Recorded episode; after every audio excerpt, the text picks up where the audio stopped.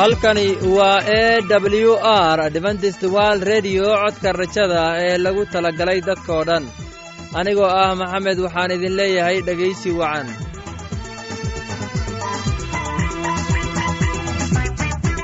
Barnaamijyadeena maanta waa laba qaybood. Qaybta koowaad waxaad ku maqli doontaan barnaamijka caafimaadka. Kadib waxaa inoo raacaya cashar inaga imaanaya bugga nolosha uu inoo soo jeedinaya geelle labadaasi barnaamij ee xiisaha leh waxaa inoo dheer heese daabacsan oo aynu idiin soo xulnay kuwaasoo aynu filayno in aad ka heli doontaan. Dhegeystayaasheenna qiimaha iyo khadradda lehow waxaynu kaa codsanaynaa inaad barnaamijkeenna si haboon u dhegaysataan. Haddii aad wax su'aalaha qabto ama aad haysid wax talo ama tusaale fadlan inala soo xiriir dib ayaynu kaaga sheegi doonaa ciwaankeenna. Bal intaynan u guuda galin barnaamijyadeena xiisaha leh waxaad marka hore ku soo dhowaataan heestan soo socota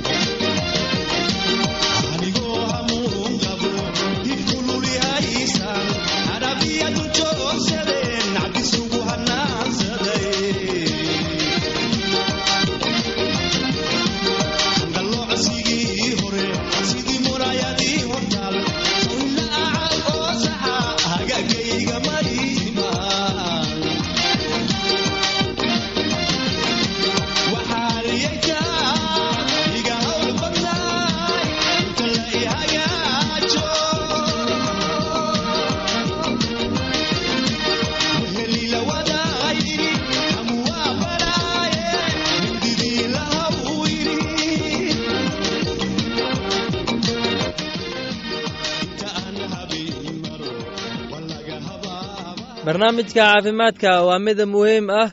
Waxaan rajaynayaa inaad ka faa'iidaysan doontaan barnaamijkaasi. Barnaamijka wuxuu ka hadli doonaa cudurka cambaarta waxaana inoo soo jeedinaya geelle ee dhegeysi wacan. Waxaan filayaa inaad ka faa'iidaysateen heestani. Haddana waxaad ku soo dhowaataan barnaamijkii doktor luuq ee caafimaadka. Muxuu uu doktor luuq ka leeyahay wax ku saabsan isticmaalka kooxaha cunnada as-aasiga ah. Maanta doktor luuq wuxuu nagala hadli doonaa mowduuc muhiim oo ku saabsan dadka oo dhan. Taasi waa kooxaha cunnada as-aasiga ah iyo sida loo isticmaalo. Qof kasta oo nool wuxuu cunaa maalin kasta wuxuuna u baahan yahay inuu ogaado sida loo isticmaalo kooxaha cuntada as-aasiga ah si uu u helo nafaqo ku filan. Dor lucos wuxuu ku bilaabi doonaa isticmaalka sheeko ku saabsan hooyo da'yar ruver waxay ahayd hooyo soddon iyo shan jir ah oo sidoo kale aad u shaqaysa iyada iyo ninkeeduba waxay lahaayeen gabadh siddeed jir ah. Jane ruver waxay aad ugu mashquulsaneyd shaqada shaqada guriga iyo caawinta gabadheeda qoobta ciyaaraha iyo cashada muusikada. Waxay helin wakhti ay wax ku karsadaan waxay jeclaayeen inay cunno inkastoo ay mashquul ahayd. Maalin maalimaha ka mid ah oo ayay bilaabtay inay ogaato in gabadheeda ay tahay culays kordhaya waxay weydiisay gabadheeda haddii ay meel kale wax ka cunayso ama cunno fudud ka hesho oo ay tiri maya haddii tani waxay ahayd markii ay maxay miisaan u qaaday way ka way ka walwalsan tahay sida ay u mashquushay oo waxay leedahay xanuun ee miisaanka culays ee carruurta da'dooda. Waxay ahayd inuu ruuva samayso.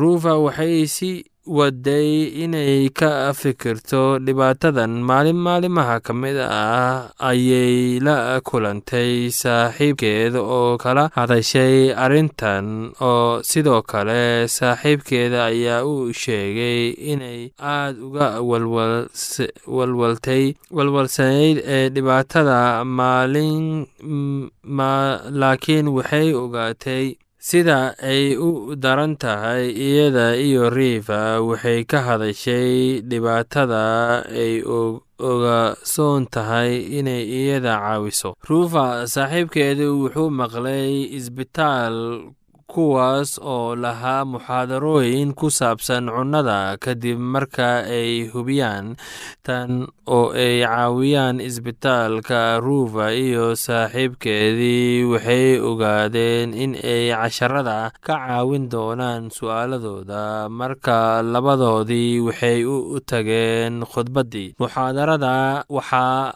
bixiyey dhakhtaradda carruurta ee isbitaalka. Dhakhtarku wuxuu bilaaway isaga oo leh dadka badankooda way saameeyaan mana fahmin sida kooxaha cuntada u shaqeeyaan sidaa darteed haddii dadka dhegeystayaasha dhegeystayaasha ah fahmaan muxaadarada waxaa bixiyey dhakhtaradda carruurta ee isbitaalka. Dhakhtarku wuxuu bilaabay isagoo leh dadka badankooda way sameeyaan mana fahmaan sida kooxaha cuntadu u shaqeeyaan. Sidaa daraaddeed haddii dadka dhegeystayaasha ah fahan yar ka qaban. Tan marka waa aysan dareemi doqonnimo ama walwal. Reva waxay ka nasatay sida ay iyadu u hubiso inay iyadu keligeedi tahay qofka dhegeystay ee soddonka waalid oo aan garanaynin tan. Tani waxay u fududaysay inay su'aasha ay weydiisay khudbadda kadib dhakhtaraddu carruurta ayaa u sheegtay dhegeystayaasha inay jiraan saddex kooxood oo as-aasi ah. Mid ka mid ah waa borotiin tan labaadna waa kabohaydareedka iyo duufaanka tan saddexaadna waa khudradda waxay weydiisay talooyinka mid kasta ku saabsan waxay tustay in hilibka oo dhammi ay yihiin borotiin kabohaydareedka waxaa badanaa loo arkaa inay yihiin rooti. Xaydku wuxuu toosnaa ka hor sida miraha iyo khudradda.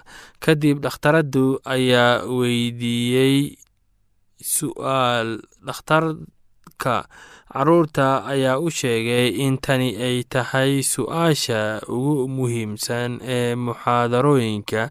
Waxay ahayd waxqabadka mid kasta oo ka mid ah saddexda kooxood ee liiska. Ah dad badani waxay bixiyeen waxyaabo badan oo kala duwan. Jawaabaha oo dhan oo dhakhtaradu sheegay inay fiicnaayeen si kastaba ha noqotee dhakhtarku wuxuu u sheegay inay jiraan wax aad u fudud habka lagu xasuusto mid kasta oo ka mid ah saddexda kooxood ay sameeyaan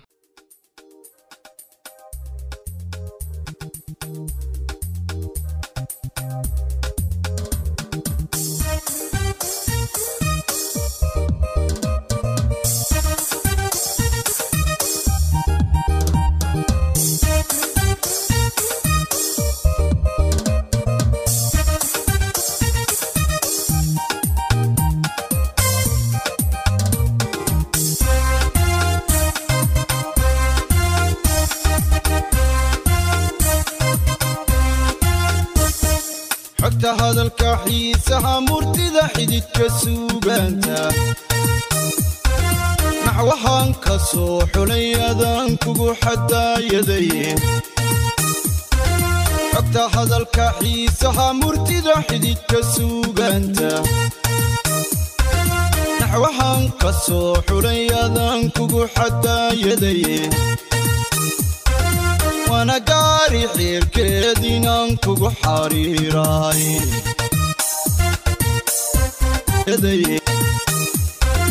kucantiyay ilaahii xukumay xulashadaadii sidii xaawa iyo aadan baa laysku keen xulaye xarafyada qur'aankiyo ducaan kugu xijaabaye sidii xaawa iyo aadan baa laysku keen xulaye xarafyada qur'aankiyo ducaan kugu xijaabaye kuxantiyay ilaahii xukumay xulashadaadii imtixaan waanay dumar wanaag lagu xasuusnaado. Xasladay habboonay adaan kugu xushmeeyay ishaxaasidiintiyo naxligu kuma xumeeyaani. Imtixaawalay naftan aan xajiiniyo laaxayn weer ku xaganaysa aftaad xiise gelisaay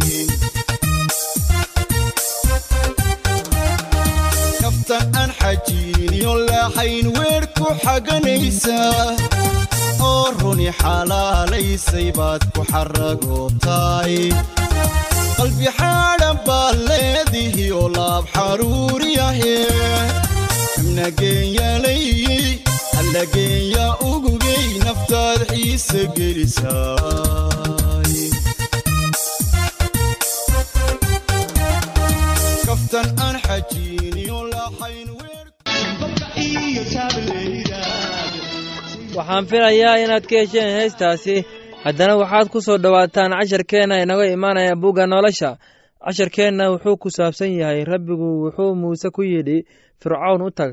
Waxaana inoo soo jeedinaya geelle ee dhegeysi wacan